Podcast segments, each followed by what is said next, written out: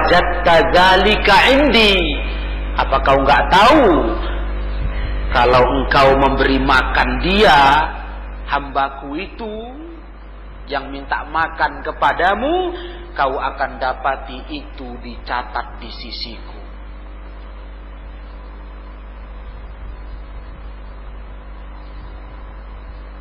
Inilah keutamaan membantu saudara kita yang butuh makan, minta makan, kita beri.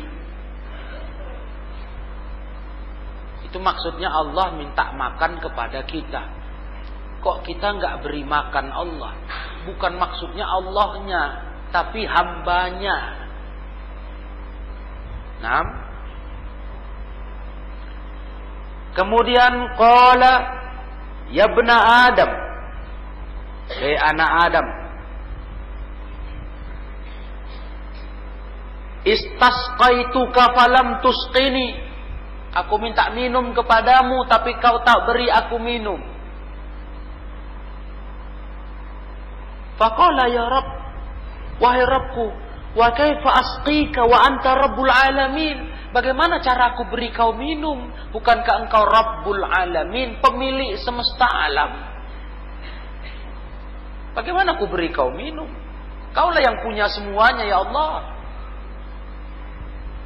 Fayaqulu inna abdi fulanan. Allah berkata, sesungguhnya hambaku si fulan itu istasqaka falam tasqihi. Dia minta minum sama kamu, tapi kau tak beri dia minum.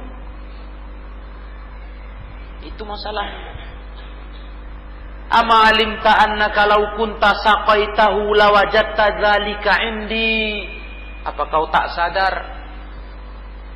Kau tak tahu kalau kau beri dia minum, kau dapati itu tercatat di sisiku. Nah, itu. Jadi bukan maksudnya ngasih Allah minum. Allah ya nggak butuh minum. Alam ini semua punya Allah. Tapi orang yang minta minum itu yang maunya kita beri. Nah, barulah masuk sisi dalil kita menjenguk orang sakit. Ya benar Adam. Hei anak Adam kata Allah. Maritu falam ta'udni. Aku sakit, kalian gak jenguk aku. Aku tuh sakit, tapi kalian gak jenguk aku. Qala ya Rabb, wahai Rabbku, kaifa a'uduka wa anta Rabbul alamin? Bagaimana aku menjengukmu? Engkaulah pemilik alam semesta. Bagaimana menjenguk Allah? lah Allah sakit kan itu. Kata Allah, "Ama alimta anna 'abdi fulanan marida?" Apa kau tak tahu ada hambaku si fulan itu sakit? Hah? Falau kunta uddahu lawajadta dzalika indi. Aw wajadata wa wajadatani indahu wa wajadtani indahu. Apa kau enggak tahu kalau kau jenguk dia? Kau akan mendapati itu tercatat di sisiku atau kau dapati aku di sisinya. Wajadtani indahu. Ini keutamaan menjenguk orang sakit Jadi ibaratnya begitu. Allah sakit nggak kita jenguk. Maknanya apa? Ada hamba yang sakit, kawan sakit nggak ditengok. Nah, coba kalau kau tengok dia kata Allah, kau jenguk dia, kau akan dapati itu tercatat di sisiku atau kau dapati aku di sisinya. Allah di sisi orang sakit. Subhanallah. Hadis kudsi ini luar biasa. Ya. Dari mulai masalah memberi makan orang yang minta makan. Hmm. Sampai memberi minum orang yang minta minum. Ya. Hingga menjenguk orang sakit. Ini semua adalah merupakan amal soleh, amal besar. Sampai-sampai pada hadis sebelum ini, pelajaran kita terakhir, menjenguk orang sakit, salah satu amalan yang kalau digabung dengan tiga amalan lain, orang itu masuk surga. Sahih?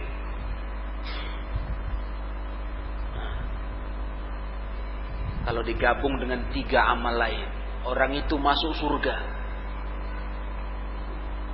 Itu menjenguk orang sakit. Nah, luar biasa. Nah, dan ini sudah jelas maknanya, ya, sudah kita pahami, sehingga kita memang harus peduli dengan iyadatul marda, menjenguk yang sakit datang kepadanya, kita lihat dia, kita bawa buah tangan, bukan cuma untuk dia juga untuk keluarganya, kan begitu. Kadang ada orang sakit, ya nggak bisa makan malah, ya dia kondisinya dipuasakan atau ada larangan-larangan makan makanan tertentu. Ya sudah, kita bawakan untuk keluarganya. Nah, inilah besarnya perhatian Islam, ya, perhatian Islam kepada orang sakit. Nah,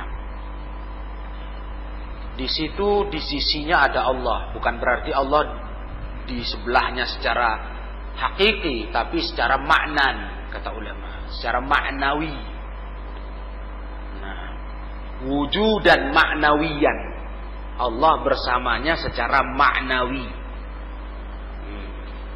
secara maknawi Taib. Dan di sini ada tambahan catatan berarti boleh hukumnya minta makan minum kalau darurat. Memang minta-minta itu dilarang agama. Minta-minta itu dilarang agama. Kecuali ada alasan yang dorurah. Nggak bisa tidak harus minta. Ya, nggak bisa tidak. Udah nggak ada cara lain. Nah, sampai terpaksa kata kita, terpaksa minta makan sama orang. Nah, itu boleh. Boleh. Bagaimana sampai terpaksa itu? Ya betul nggak ada. Kalau nggak minta makan bisa membahayakan dirimu. Hah? Kalau nggak minta makan bisa membahayakan dirimu. Jadi butuh minta makan. Kalau belum darurat jangan. Rasulullah aja sampai mengikat batu di perutnya mengganjal biar nggak perih karena lapar. Sampai kayak gitu kali Nabi SAW. Iya. Nah, artinya minta-minta itu bukan sesuatu yang dimudah-mudahkan, bukan digampang-gampangkan. Ya kan? Bukan sesuatu yang dianggap biasa enggak. Itu sesuatu yang darurat. Doruri. Doruri. Darurat. Terpaksa kali udah nah udah habis usaha nggak bisa makan nggak ada makanan untuk dimakan. Nah, baru kita minta semua orang. Kalau nggak nggak boleh. Ya itu nggak boleh itu. Meminta-minta itu ada hukum khusus ada bahasan khusus. Nah, sampai ditulis oleh seorang ulama Yaman Syekh Mukbil bin Hadi Al-Wadi'i rahimahullah. Satu kitab namanya Zammul Mas'alah. Zammul Mas'alah tercelanya meminta-minta. Jelek itu. Ya, jelek karena bagaimanapun juga namanya meminta tangan di bawah, ya. Nah, ada menunjukkan kerendahan. Ya, karena kamu begini, nah, minta itu begini. Mengharap diberi. Nah, ini tambahan faedah untuk kalian karena ini salah satu dalil yang bisa diambil dari sini kata ulama jawazu talabit ta'ami wasaqai lid Nah, berhubung ada faedah itulah kita sedikit bicara masalah meminta-minta ya. Pokoknya meminta-minta itu tercela kecuali ada alasan yang daruratnya. Dong? Itu untuk pribadi. Nah, bagaimana kalau untuk untuk orang lain misalnya? Ya lihat kondisi juga.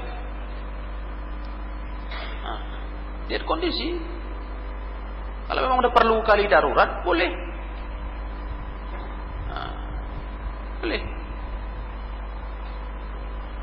Kalau untuk dakwah bagaimana? Minta-minta untuk dakwah katanya. Nah, nah ini yang biasanya buat apa kalau biasanya orang? Buat proposal. Proposal itu permohonan bantuan. Wah, buat itu. Kami butuh biaya sekian untuk ini ini, kirim sana, kirim sana, kirim sana. Supaya cair duitnya. Nah, ini memang pada hukum asalnya sesuatu yang ditujukan untuk agama Allah itu bentuk ta'awun. Ya masuk dalam makna ta'awun alal birri wat taqwa. Betul. Iya memang fatwa-fatwa pun begitu. Boleh. Tapi bukan berarti itu aja kerjamu. Nah, bukan itu aja kerjamu. Dikit-dikit proposal ini proposal itu. Oh sepanjang hari sepanjang waktu. Wah, kirim proposal aja kerjanya. Permohonan bantuan dana, bantuan dana. Nah, ini enggak kerjanya dakwah salaf. Jadi bukan mutlak diharamkan, bukan pula mutlak dibiarkan, dilepaskan, bebas. Enggak begitu. Nah, jadi nggak begitu. Karena ada orang yang seperti itu, ada yang mengharamkan mutlak. Masuk katanya meminta-minta yang tercela itu. Walaupun untuk dakwah. Proposal itu haram.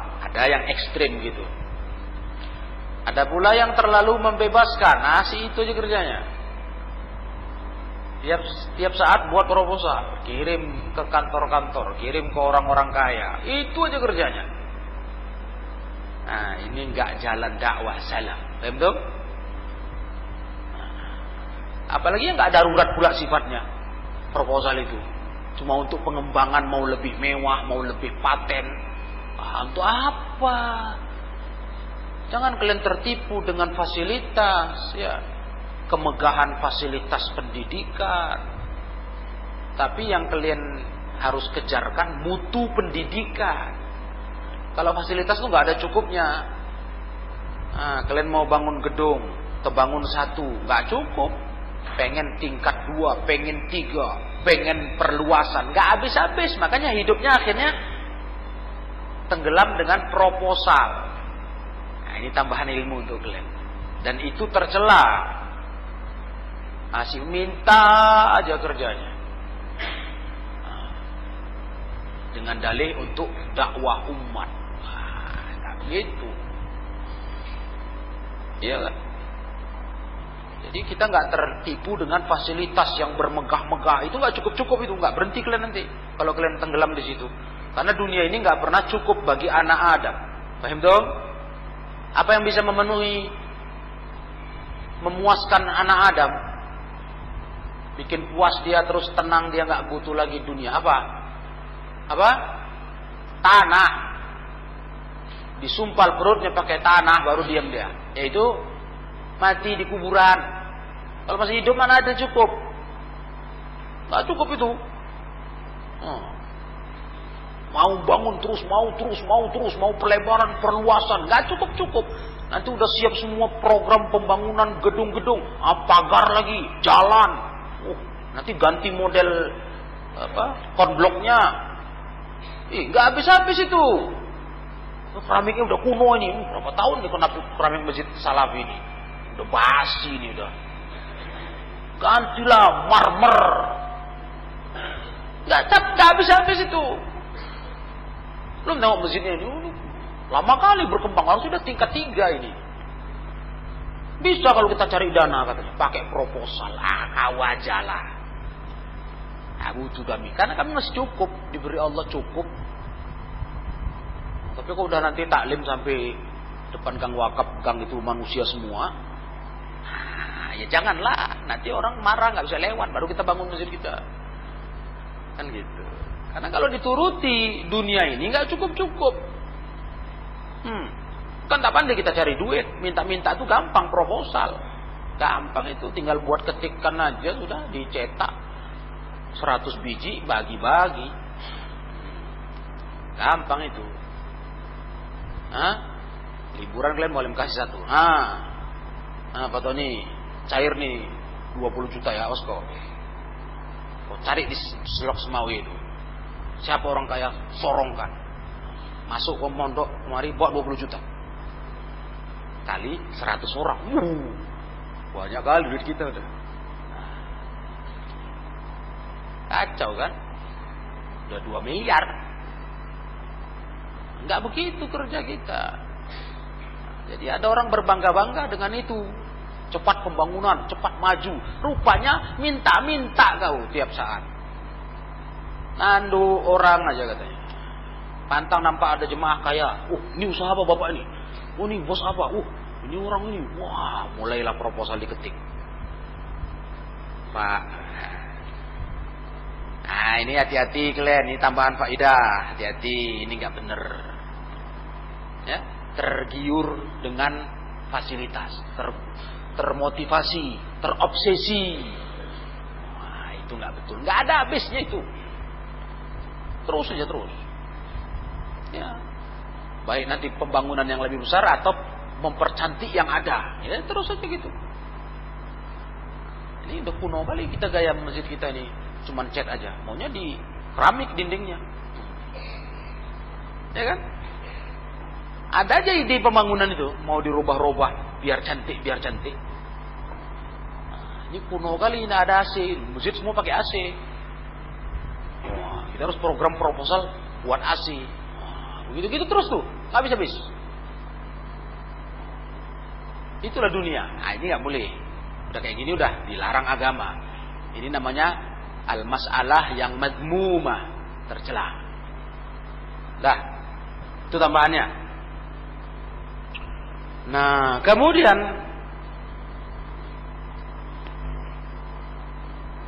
Hadis berikutnya an Abi Sa'id anin Nabi sallallahu alaihi wasallam qala Udul marida wattabi'ul janaiza tuzakkirukumul akhirah Nabi SAW bersabda, jenguklah orang sakit.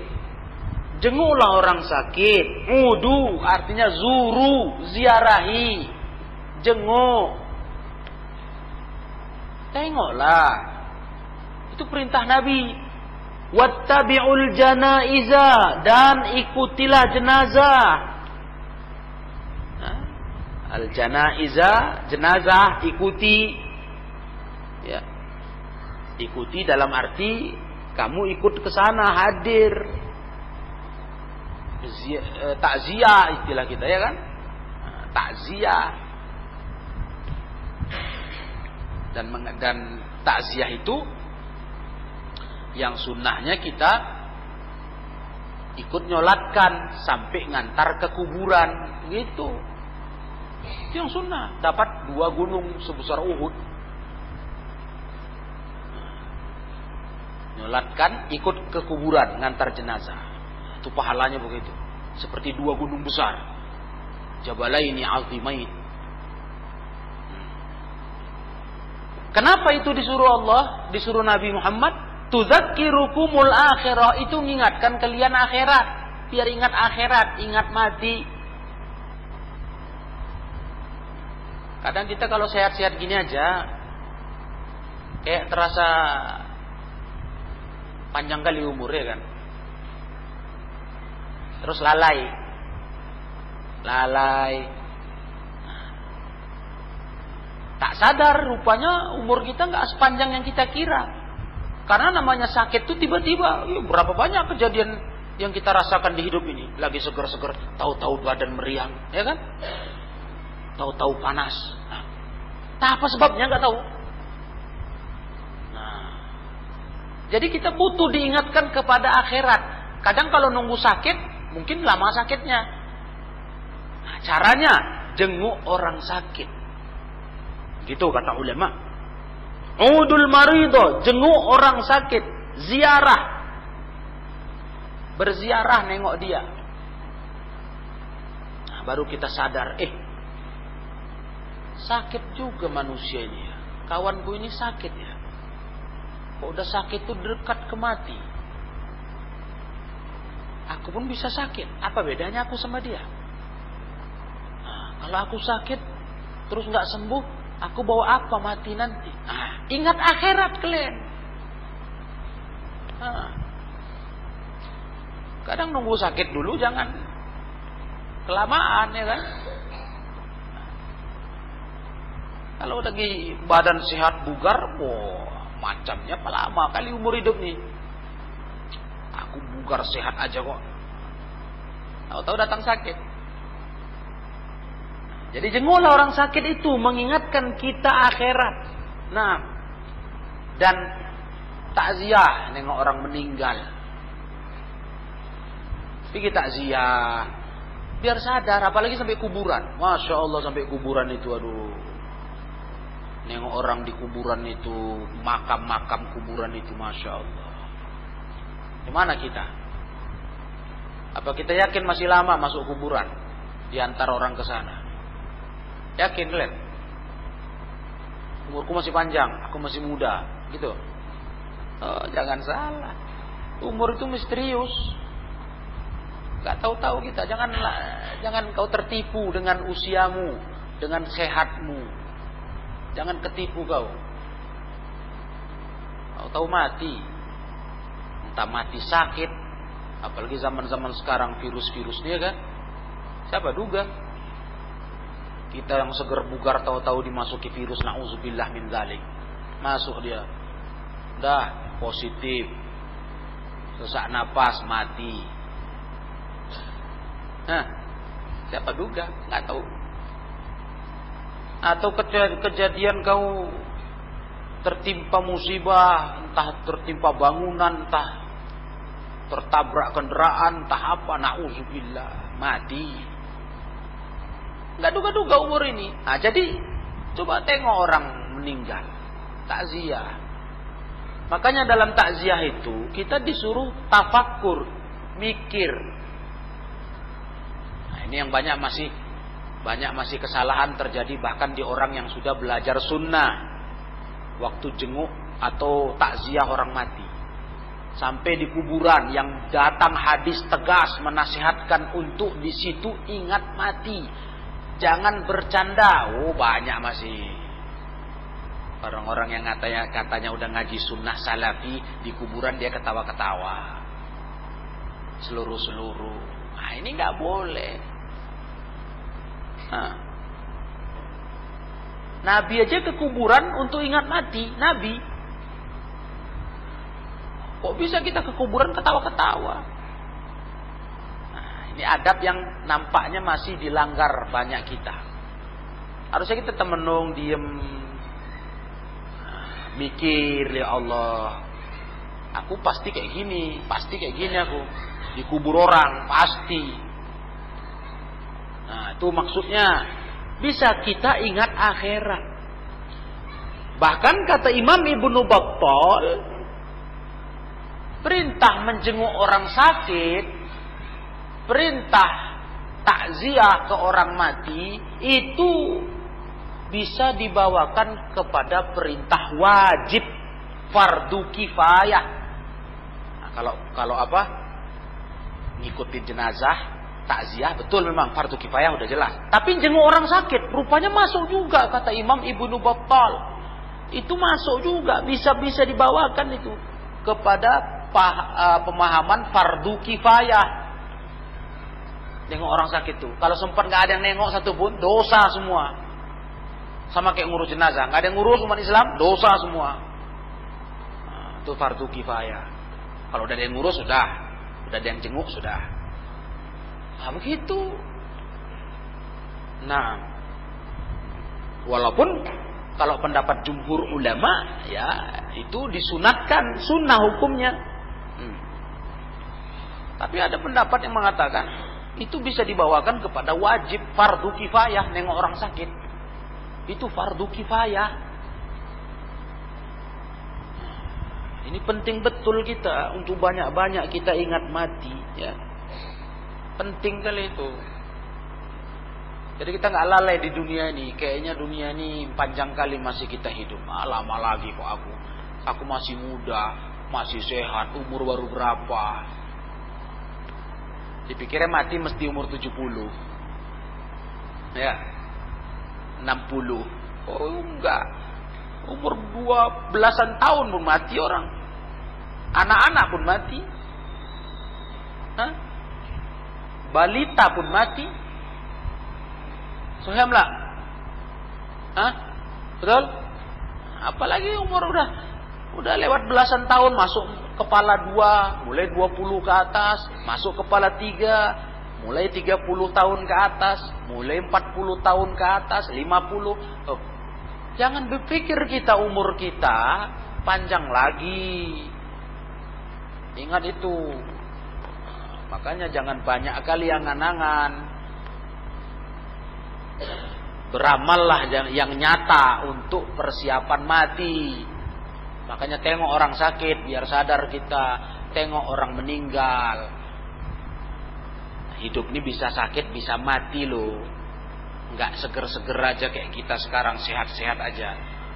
Hmm, bisa sakit, bisa mati. Kelas, dengar, jangan lale-lale.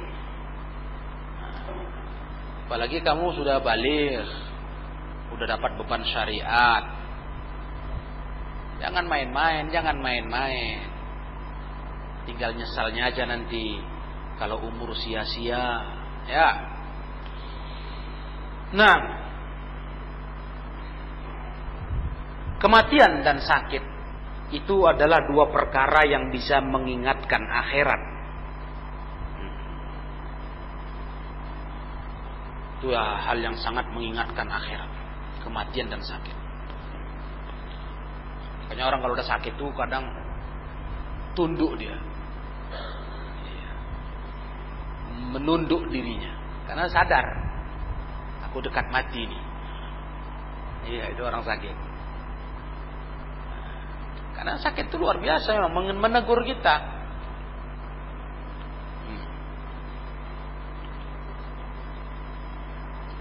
Jadi bukan malah kayak kaedahnya ahli dunia, ahli syahwat. Apa itu? Mumpung masih ada umur, puas-puasin hidup. Puas-puasin hidup, mumpung ada umur, belum habis katanya. Ya. Memangnya kau di dunia aja hidup kau. Jadi kau puas-puasin. Kalau mati udah selesai. Enggak. Kalau kau mati, hidupnya masih panjang lagi. Habis mati hidup lagi. Nah, kalau orang kafir cocok itu rumusannya hidupnya apa orang kafir? Puas-puasin aja hidup nih katanya. Sebelum mati. Nah, iyalah kalau bagi mereka habis mati ya habis. Gak ada cerita alam akhirat.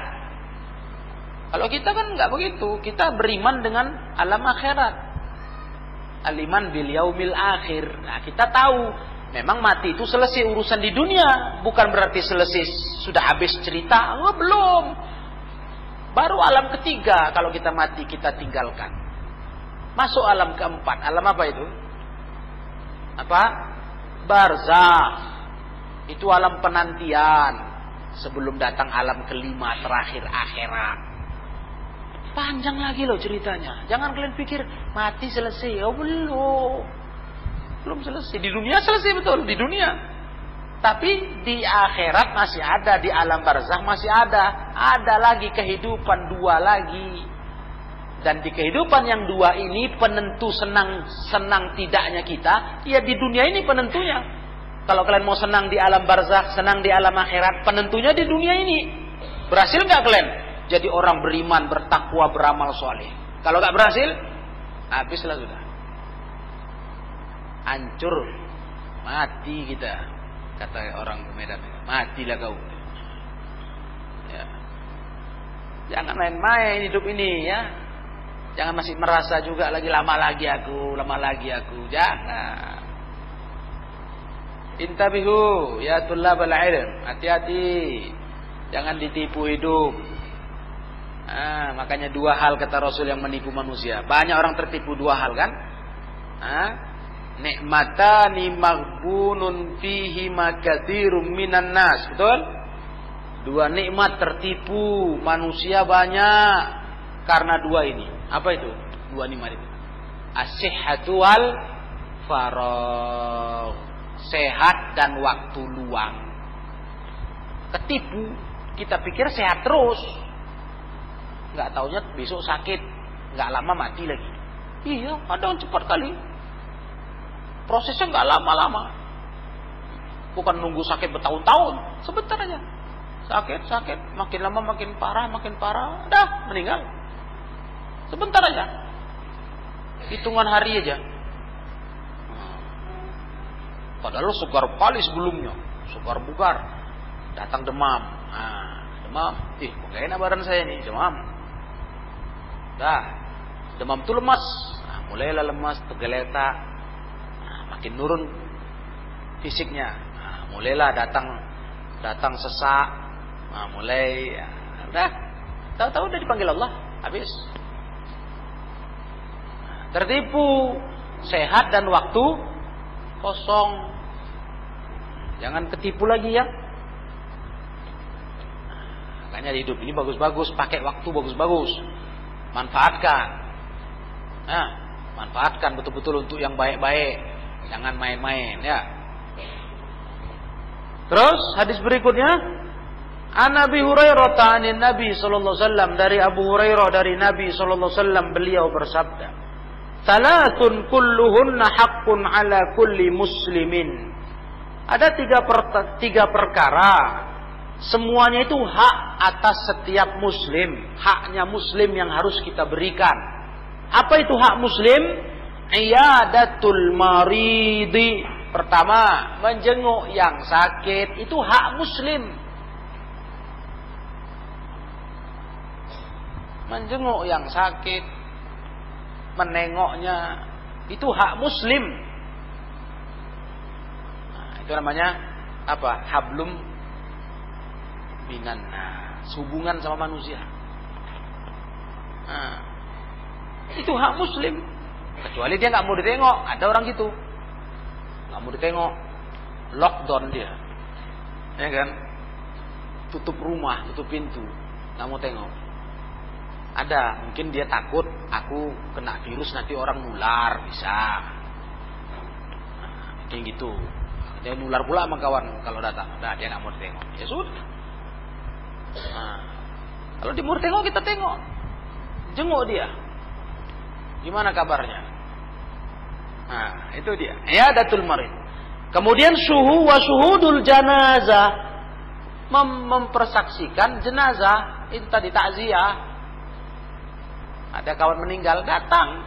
Kalau ada waktumu datang, kalau nggak ada halangan. Jangan, ah udahlah, udahlah, jangan begitu. Toh, apa? Dia nggak tahu lagi aku datang kok udah mati. Gak gitulah. Memang tujuan takziah itu satu hak dia yang udah jadi mayat. Kita urus satu. Yang kedua kita menggembirakan, menghibur keluarganya. Ya kan?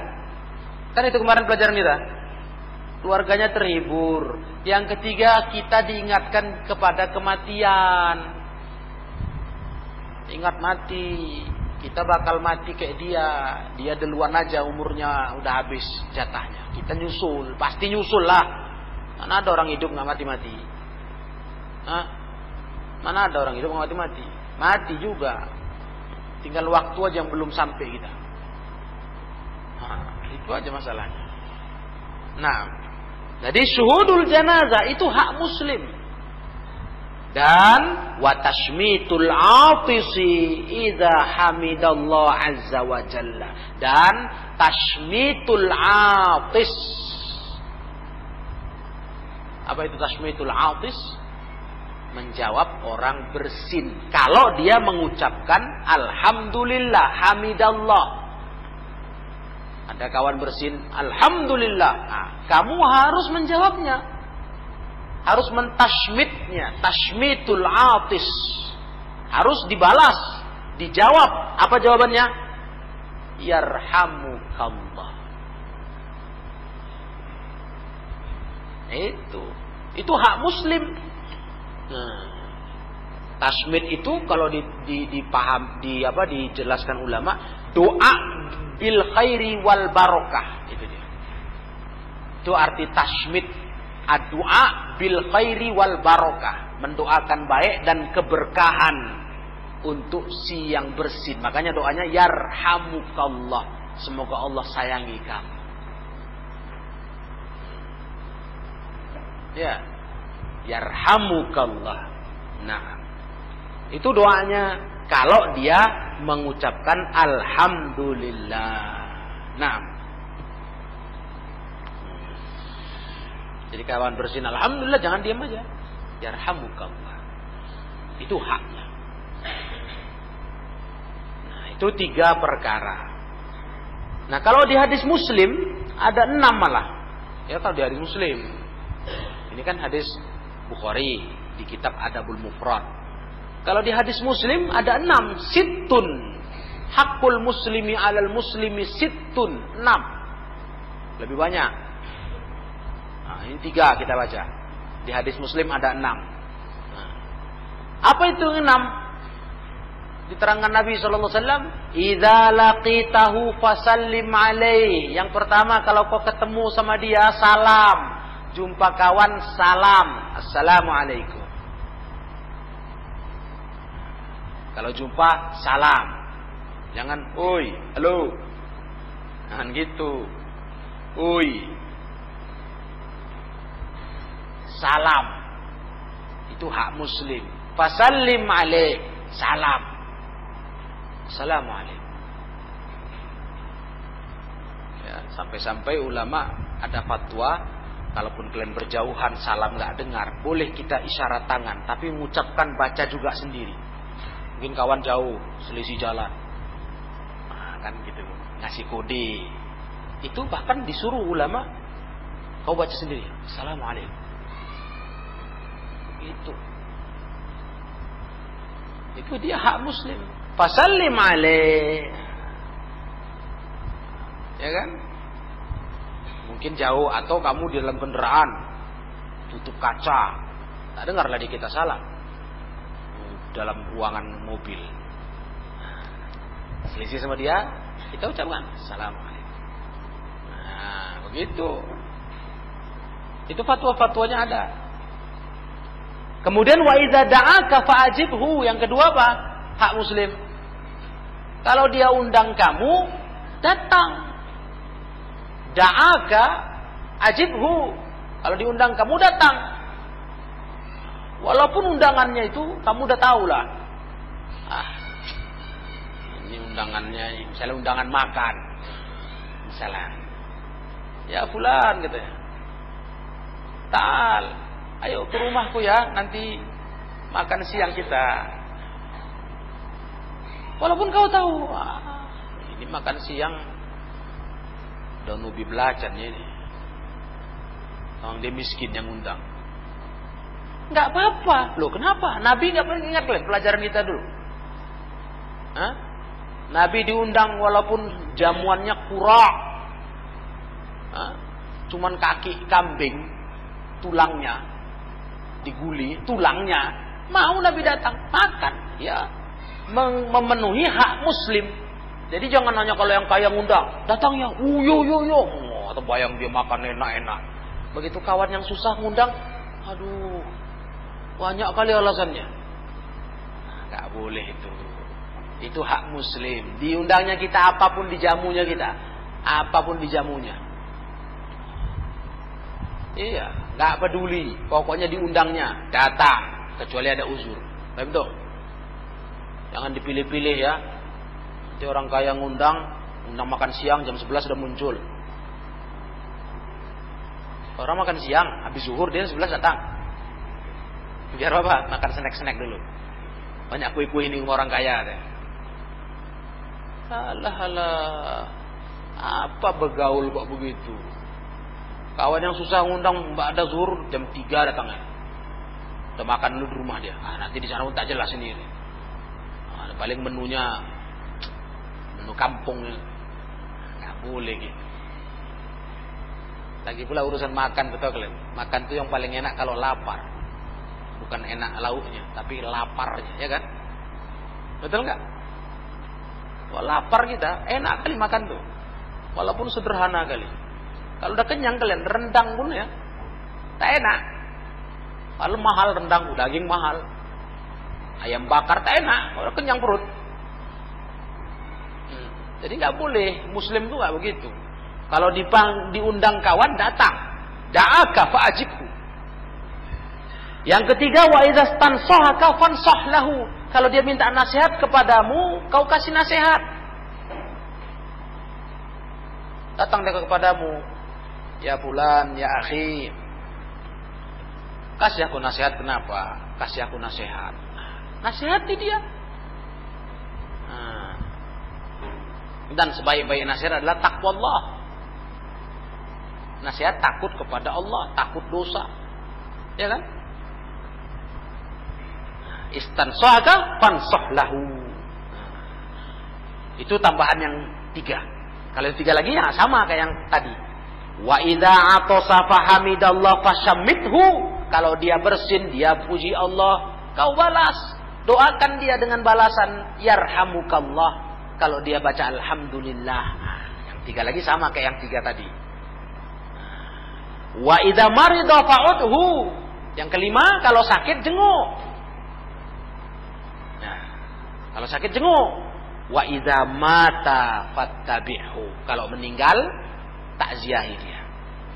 Jadi tiga itu yang tadi sama tiga pertama tambahannya. Yang tiga pertama apa? Kalau ketemu salam, kalau mengundang datang, kalau dia minta nasihat, nasihati.